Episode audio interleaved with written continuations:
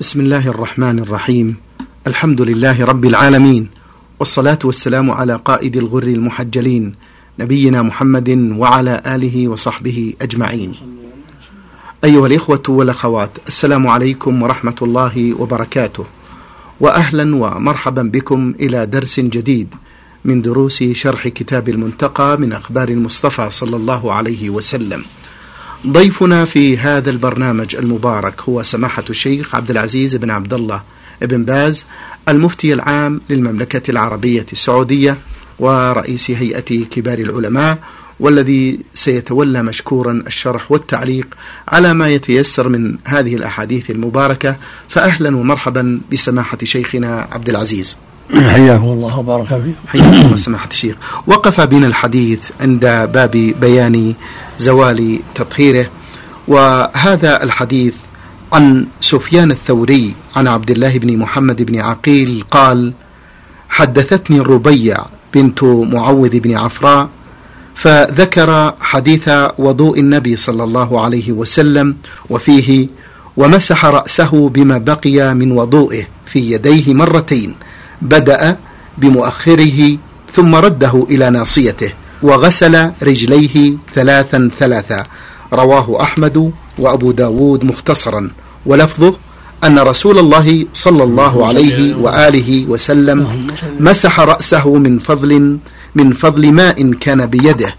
قال الترمذي عبد الله بن محمد بن عقيل صدوق لكن تكلم فيه بعضهم من قبل حفظه. وقال البخاري كان أحمد وإسحاق والحميدي يحتجون بحديثه. بسم الله الرحمن الرحيم. الحمد لله وصلى الله وسلم على رسول الله وعلى آله وأصحابه ومن اهتدى بهدى أما بعد فهذا الحديث فيما يتعلق بمسح الرأس بما بما فضل في اليدين بعد غسل اليدين ضعيف. من أجل عبد الله بن محمد بن عقيل فإنه كثير الوهم والغلط. ولأنه شاذ مخالف الأحاديث الصحيحة دالة على أنه كان يمسح رأسه بماء جديد وهذا هو الصواب أن الرأس يمسح بماء جديد غير ماء اليدين. وأما حديث بن عقيل هذا فهو ضعيف. نعم. جزاكم الله خيرا. مسح الرأس يا سماحة الشيخ هل يكفي مرة واحدة أم لا بد من تكرار المسح؟ السنة واحدة لكن يبدأ بمقدمه ثم يذهب بهما إلى قباه ثم يردهما إلى المكان اللي بدأ منه. كما ثبت في الصحيحين من حديث عبد الله بن زيد بن عاصم الأنصاري. أخبر أن مسح رأسه فبدأ بمقدم رأسه بيديه حتى ذهب بهما إلى قباه ثم ردهما إلى المكان اللي بدأ منه. وفي حديث الربيع هذا الضعيف أنه بدأ بمؤخر وهذا ضعيف. السنة بدأ بمقدم هذا الأفضل. ثم يذهب بهما إلى قفاه ثم يردهما مسحة واحدة. نعم بماء واحد. جزاكم الله خيرا. هل يجزي غسل الرأس عن المسح شيخ؟ يجزي لكن خلاف السنة. خلاف السنة. مشروع مسح فمسح غسله مبالغة والسنة المسح. عن عبد الله بن زيد بن عاصم أنه قيل له توضأ لنا وضوء رسول الله صلى الله عليه وآله وسلم فدعا بإناء فأكفأ منه على يديه. فغسلهما ثلاثا ثم أدخل يده فاستخرجها فمضمض واستنشق من كف واحدة فعل ذلك ثلاثا ثم أدخل يده فاستخرجها فغسل وجهه ثلاثا ثم أدخل يده فاستخرجها فغسل يديه إلى المرفقين مرتين ثم أدخل يده فاستخرجها فمسح برأسه. فأقبل بيديه وأدبر ثم غسل رجليه إلى الكعبين ثم قال هكذا كان وضوء رسول الله صلى الله عليه وسلم متفق عليه ولفظه لأحمد ومسلم. وهذا حديث حديث عظيم جليل. من أصح الأحاديث عن النبي صلى الله عليه وسلم في صفة وضوء النبي صلى الله عليه وسلم من حديث عبد الله بن زيد بن عاصم فيها أنه غسل يديه ثلاثا في أول وضوء ثم تمضمض واستنشق ثلاثا. هذا يدل على أن السنة أن يغسل يديه ثلاث مرات قبل أن يدخل معه في النار قبل الوضوء قبل البدء في الوضوء. ثم يغسل وجهه وجهه ثلاثا بعد المضمضة الاستنشاق يتمضمض ويستنشق ثلاثا بغرفة كل مرة بغرفة. هذا هو الأفضل. يغرف غرفة فيتمضمض ويستنشق. ثم يغرف ثانية فيتمضمض ويستنشق. ثم ثالثة. هذا هو الأفضل. ويكفي واحدة. لما صح عن ابن عباس رضي الله عنهما عن النبي صلى الله عليه وسلم توضأ مرة مرة وتوضأ مرتين مرتين وتوضأ ثلاثة ثلاثة. فالواجب مرة إذا توضأ مرة واستنشق مرة وغسل وجهه مرة أجزأ والأفضل مرتين أن يغسله أن يتمضمض ويستنشق ويغسل وجهه مرتين. والثالث أفضل فالحاصل أن أدنى واجب مرة واحدة وأفضل من ذلك مرتان. والكمال ثلاث. يغسل وجهه ثلاث مرات بعد المضمضة والاستنشاق ثلاثة. والأفضل أن تكون المضمضة والاستنشاق بغرفة واحدة. كل مرة بغرفة هذا هو الأفضل. وإن فصل بينهما فتمضمض واحدة على حدة واستنشق على حدة فلا حرج. وهكذا يغسل يديه إلى مرافق. ثلاثا أفضل. ويجوز مرتين كما في حديث عبد الله بن زيد هذا. ولكن الأفضل ثلاثة ثلاثة. وكونه غسله مرتين يبين الجواز. كما كما دل حديث ابن عباس على أن لا بأس المرة أن الرسول توضأ مرة مرة في حديث ابن عباس فالمرة مجزئة. والثنتان أفضل من المرة والثالث هي الكمال في غسل يديه كما هي الكمال في غسل وجهه. أما الرأس مثل ما دل عليه من حديث عبد الله بن زيد وغيره مسحة واحدة. يمسح رأسه مرة واحدة ينزل بمقدمة إلى قفاه ثم يردهما إلى المكان اللي بدأ منه. هذا هو السنة مرة واحدة. بماء جديد. ثم يغسل رجليه مع الكعبين ثلاث مرات هذا هو الأفضل. وإن غسله مرة أو مرتين أجزأ ذلك إذا عمهما الماء. لكن الأفضل ثلاثا كل رجل ثلاثا يعمها بالماء هذا هو الأفضل. وإن عمهما بالماء مرة واحدة أو مرتين أجزأ ذلك. نعم. أحسن الله إليكم سماحة الشيخ. في بعض الكتب الفقهية سماحة الشيخ تقول يستحب أخذ ماء جديد للأذنين. هذا غلط قول ضعيف قاله بعض الحنابلة وغيرهم ضعيف. فالواجب بل السنة أن يمسح أذنيه بماء الرأس ولا يشرع ماء جديد للأذنين هذا هو الأفضل. إذا مسح رأسه وأذنيه بماء واحد. وبعض أهل العلم قال يأخذ ماء جديد للأذنين ويروى ابن عمر رضي الله عنهما ولكن الأفضل ترك ذلك. الأفضل أن يمسح أذنيه بماء رأسه لأن الأذنين من الرأس. فيمسحهما يدخل إصبعيه في إصبعيهما ويمسح بإمامه ظاهر أذنيه مع الرأس مع مسح الرأس والحمد لله. هذا هو الأفضل. أحسن الله إليكم سماحة الشيخ. لو ترك مسحهما هل يبطل الوضوء يا شيخ؟ نعم لا بد مسحهما لأنه جزء من الرأس ولا بد يعمه بالمسح. جزاكم الله خيرا. ما جاء في باب باب ما جاء في فضل طهور المرأة. عن الحكم بن عمرو الغفاري نعم. أن رسول الله صلى الله عليه وسلم نهى أن يتوضأ الرجل بفضل طهور المرأة. رواه الخمسة إلا أن ابن ماجه والنسائي قال قال وضوء المرأة. وقال الترمذي هذا حديث حسن. وقال ابن ماجه وقد روى بعده حديثا آخر. الصحيح الأول يعني حديث الحكم. هذا احتج به بعض أهل العلم على كراهة الوضوء بفضل المرأة والغسل بفضل المرأة. ولكن دلت الأحاديث الأخرى على أنها ليس بممنوع ولكن تركه أفضل لأنه اغتسل بفضل ميمونة فدل ذلك على أنه لا يمنع. فعله يدل على أنه ليس للتحريم ولكن للكراهة وترك الأولى.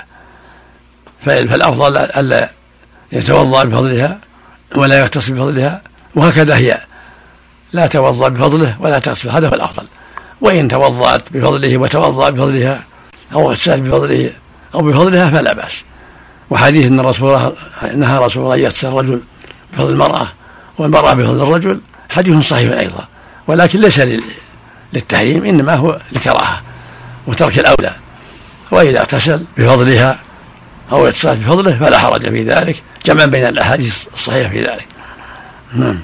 وعن ابن عباس رضي الله عنهما أن رسول الله صلى الله عليه وآله وسلم كان يغتسل بفضل ميمونة رواه أحمد ومسلم. وهذا هو الدليل كما تقدم. هو الدليل على أن الاغتسال بفضلها لا, لا بأس به وأن قول وأن النهي للكراهة وترك الأولى فقط أو منسوخ. وعن ابن عباس عن ميمونة أن رسول الله صلى الله عليه وآله وسلم توضأ بفضل غسلها من الجنابة رواه أحمد وابن ماجه. كما تقدم يدل على أنه لا حرج في الغسل بفضلها والوضوء من فضلها وأن النهي إما منسوخ وإما على ترك على سبيل ترك الأولى. نعم. وعن ابن عباس قال اغتسل بعض أزواج النبي صلى الله عليه وآله وسلم في جفنة فجاء النبي صلى الله عليه وآله وسلم ليتوضأ منها أو يغتسل فقالت له يا رسول الله إني كنت جنبا. فقال إن الماء لا يجنب. وهذا كالذي قبله. نعم. نعم. كالذي قبله. يدل على أن فضل المراه لا حرج فيه. من غسل الجنابة هو الوضوء وأنه إذا اغتسل بفضل المرأة أو توضأ بفضلها فلا حرج لأن الأصل الطهارة وبقاؤها. فغسل المرأة من الماء أو وضوءها من الماء لا يسلبه الطهورية. وهكذا غسل الرجل منه فلها أن توضأ بفضله كما يأتي نعم. وعن عائشة رضي الله عنها قالت كنت أغتسل أنا ورسول الله صلى الله عليه وسلم من إناء واحد تختلف أيدينا فيه من الجنابة متفق عليه. وهذا يدل على فوائد. منها جواز اغتسال الرجل مع زوجته. كل منها يرى كل منهما يرى عورة الآخر. ومنها الدلالة على أن فضلها وفضله لا بأس به. فضل المرأة وفضل الرجل كل ذلك لا بأس لأنها إذا غرفت فقد اغتسل بفضلها. وإذا غرف فقد اغتسلت بفضله فلا حرج في ذلك والحمد لله. نعم. وفي لفظ للبخاري من إناء واحد نغترف منه جميعا ولمسلم من إناء بيني وبينه واحد فيبادرني وأبادره حتى أقول دع لي دع لي وهذا كالذي قبله يدل على أنه لا حرج في ذلك أن يغتسلا جميعا في محل لا ترى عوراتهما من جنس الآخرين في محل مستور لا يرى عورتهما غيرهما. فإذا اغتسلت عارية وهو عاري في محل خاص فلا حرج في ذلك لأنها تباح له. فلهذا لا لا حرج أن يرى عورتها وترى عورته ولا حرج أن تغتسل بفضله وبفضلها. هو يغتسل بفضلها وهي تغتسل بفضله لا حرج في ذلك والحمد لله. وهذا من تيسير الله ومن رحمته سبحانه وتعالى. الحمد لله. نعم. وفي لفظ للنساء من إناء واحد يبادرني وأبادره. حتى يقول دعي لي وأنا أقول دع لي. وهذا من من باب المداعبة ومن باب حسن المحاضرة حسن المداعبة وحسن المعاشرة. كون يغتسل معها ويقول دعي لي وتقول دعي لي كل هذا من باب المعاشرة الطيبة واللطف في الكلام نعم. باب حكم الماء إذا لاقته النجاسة. عن أبي سعيد الخدري رضي الله عنه قال قيل يا رسول الله أنا توضأ من بئر بضاعة وهي بئر تلقى فيها الحيض ولحوم الكلاب والنتن. فقال رسول الله صلى الله عليه وسلم الماء طهور لا ينجسه شيء رواه أحمد وأبو داود والترمذي وقال حديث حسن. وهذا من أدلة طهارة الماء وأنه لا ينجس. بما يلقى فيه من خرق أصابها نجاسة أو غير ذلك. لأنه ماء عظيم ماء البر ماء جيد فلا يؤثر فيما يلقى فيه. وهكذا بقية المياه. إذا ألقي فيها شيء لا يؤثر فيها فإنها باقية على طهوريتها ولقول النبي صلى الله عليه وسلم إن الماء طهور لا ينجسه شيء. فالماء أصل فيه الطهارة. وأنزلنا من يقول الله سبحانه وأنزلنا من السماء ماء طهورا. فالأصل فيه الطهارة فلا ينجس إلا بالتغير فإذا تغير طعمه أو لونه أو ريحه بالنجاسة صار نجسا بإجماع العلماء. أما ما دام على طهارة على حاله لم يتغير فهو طهور وإن وقع فيه نجاسة. إلا إذا كان قليلا جدا فإنه يراق كما قال النبي صلى الله عليه وسلم إذا شرب الكلب في إناء فليرقه. فأمر بإراقته لأن الإناء في الغالب يكون صغيرا فإذا ولغ فيه الكلب أثر فيه فإذا كان الشيء قليلا ووقعت فيه النجاسة يراق لأن الغالب أنها تؤثر فيه. أما الشيء الكثير والإناء الكبير والحوض الكبير فهذا لا يتأثر. إذا وقعت فيه النجاسة ولم تغيره فهو طهور أما إذا تغير طعمه أو لونه أو ريحه صار نجسا. هذا هو الصواب. وبعض أهل العلم فصل فقال إن كان قلتين لم ينجس إلا بالتغير وإن كان أقل منهما نجس بالملاقات ولو قليلا لحديث ابن عمر رضي الله عنهما أن النبي عليه السلام قال إذا كان الماء قلتين لم لم يحمل الخبث. وفي لفظ لم ينجس. والصواب أن هذا المفهوم لا يدل على النجاسة ولكن يدل على التثبت وأن إذا كان دون قلتين يتثبت فيه فإن تغير وأثر فيه نجس وإلا فلا. هذا هو الصواب. فلا يتغير الماء إلا. لا ينجس الماء إلا بالتغير إلا إذا كان قليلا تؤثر فيه النجاسة كماء الأواني إذا وقع فيه النجاسة أو ولغ فيه الكلب فإنه يراق ولو لم يتغير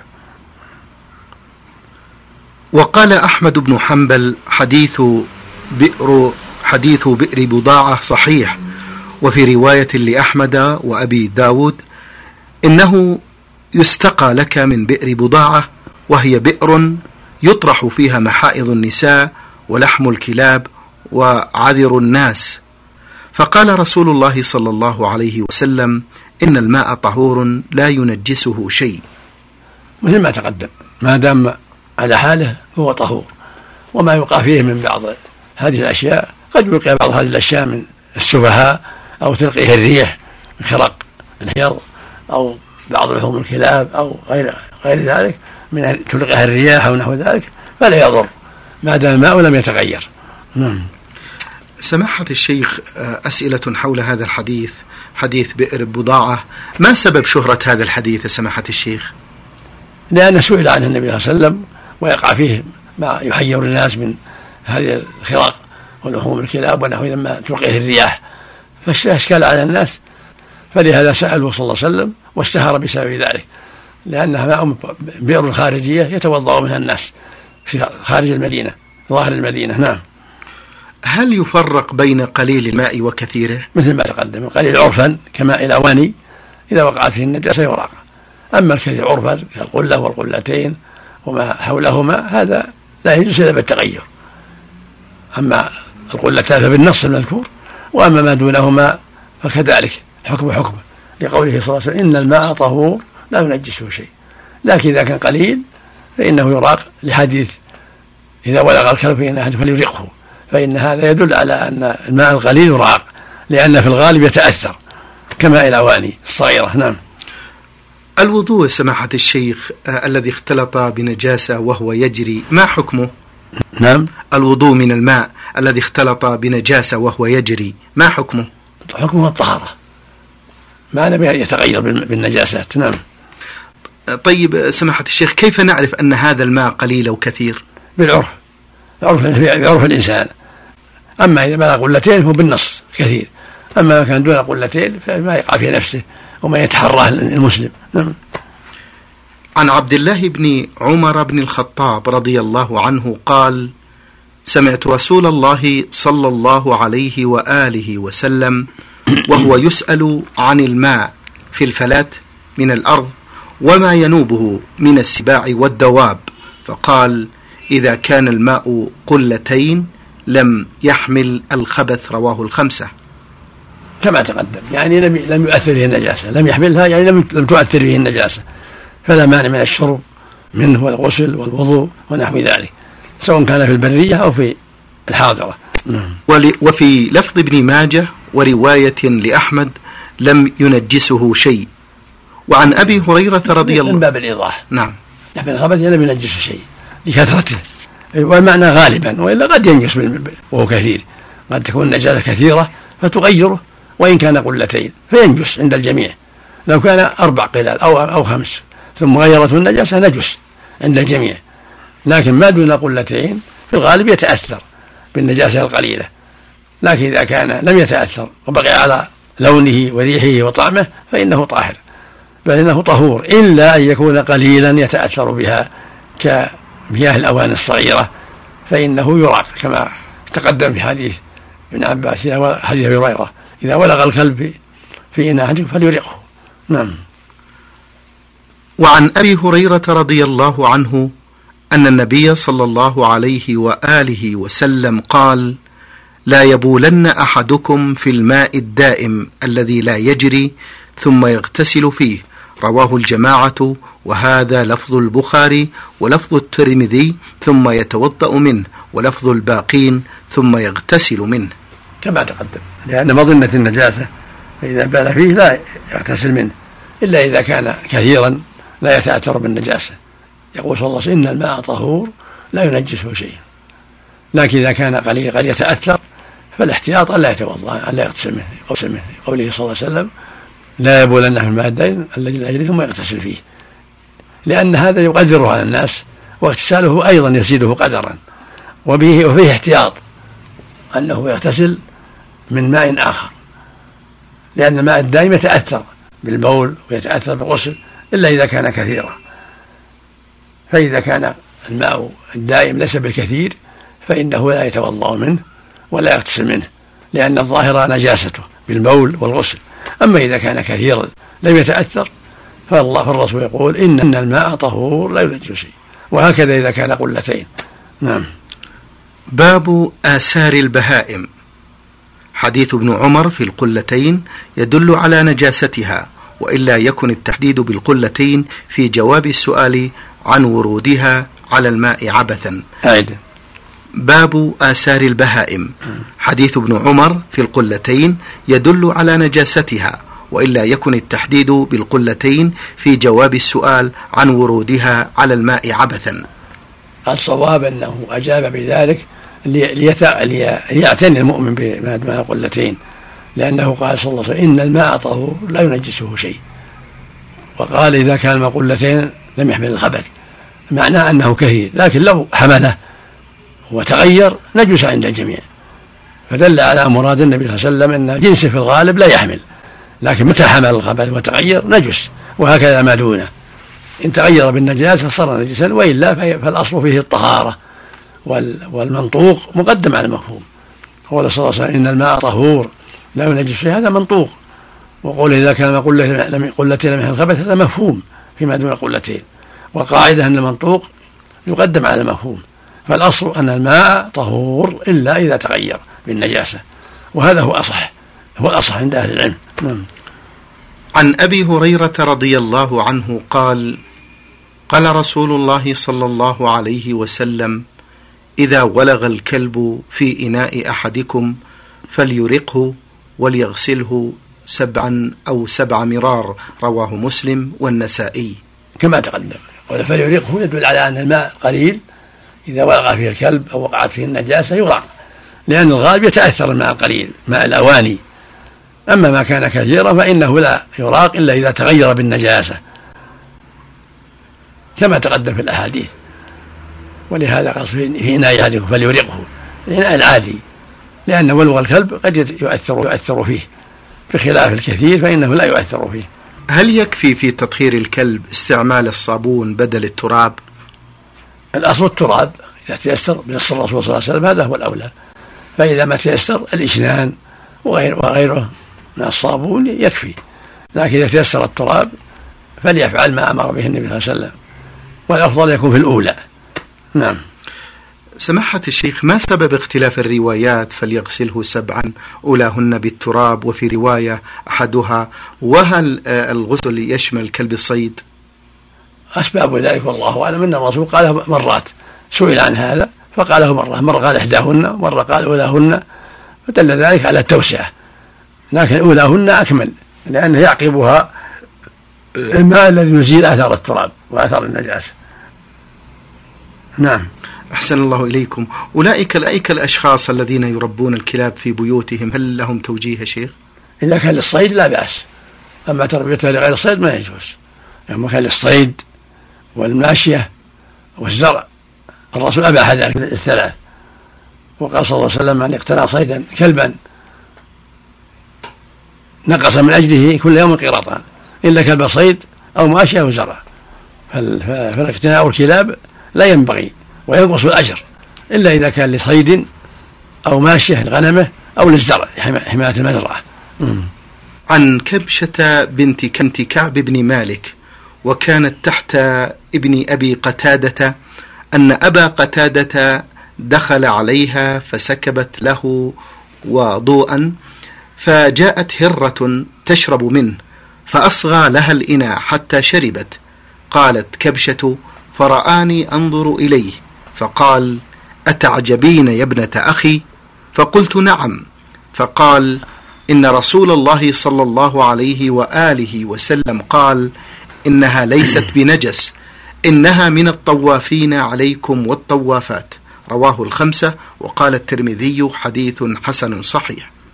وهذا يدل على أن الهرة ليست نجسة بل هي طاهرة. فإذا ولغت في إناء في لبن في ماء فلا حرج. هو طهر ولا يضر ولوغها أما بولها وروثها هو نجس مثل بول الحمار والبغل ولا رجس مثل بول بني آدم وروثه نجس. لكن هي في نفسها طاهرة لأنها تخشى الناس. ولهذا صلى من الطوافين عنك والطواف. من رحمة الله أن جعلها طاهرة. ما أصاب من جلدها وعرقها طاهر من ولوغها طاهر.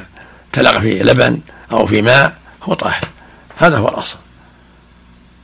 وهذا هو الدليل على أنها لا بأس بها بفضلها لكونها من الطوافين علينا والطوافات نبتلى بها. وهكذا الحمر والبغال من الطوافين. فسورها طاهر وركوبها طاهر. لو عرق الإنسان عليها على ظهر الحمار والبغل فهو طاهر. مع أن بوله نجس وروثه نجس وهو حرام الأكل البغل والحمار. فهكذا الهرة بولها نجس وروثها نجس وهي حرمة الأكل لكنها طاهرة لكونها من الطوافين علينا. فإذا بلغت في إناء أو في لبن فهو طهور. وهكذا الحمار والبغل إذا شرب من إناء أو شرب من حوض فهو طهور لا يضره ذلك. بالنسبة سماحة الشيخ إلى تربية الهرة؟